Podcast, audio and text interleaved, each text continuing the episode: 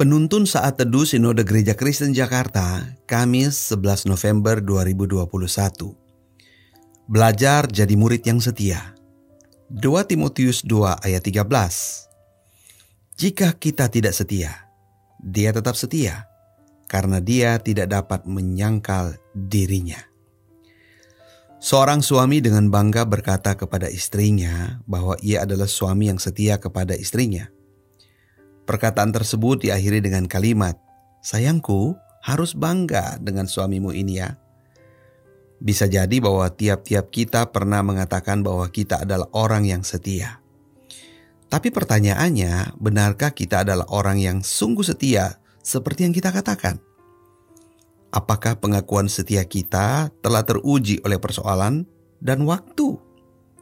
Mari kita ingat seberapa setianya kita kepada Tuhan di tengah badai pandemi COVID-19 yang telah berjalan satu tahun delapan bulan ini.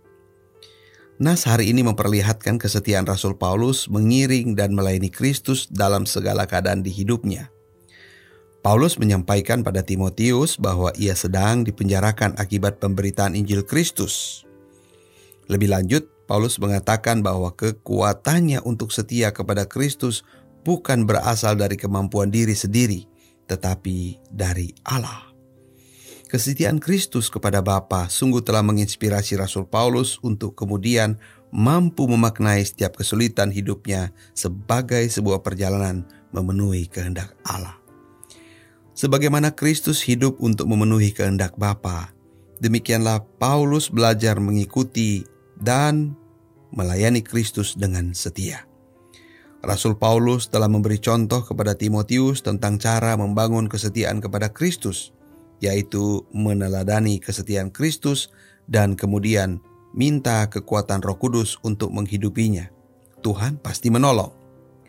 Saudaraku, jika dalam masa pandemi COVID-19 yang berkepanjangan ini Anda telah mengacuhkan Dia, menolak Dia, dan menyalahkan Dia, maka mari berbariklah dan lihat bagaimana Kristus telah mengasihi kita. Lihatlah bahwa kesetiaan hanya ada pada diri Allah dan berasal darinya.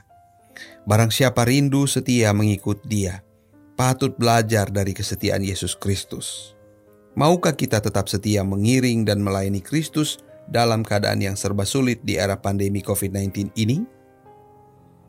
Bersekutu dalam penderitaan kematian dan kebangkitan Kristus memampukan kita memahami nilai-nilai kesetiaan. Tuhan Yesus memberkati.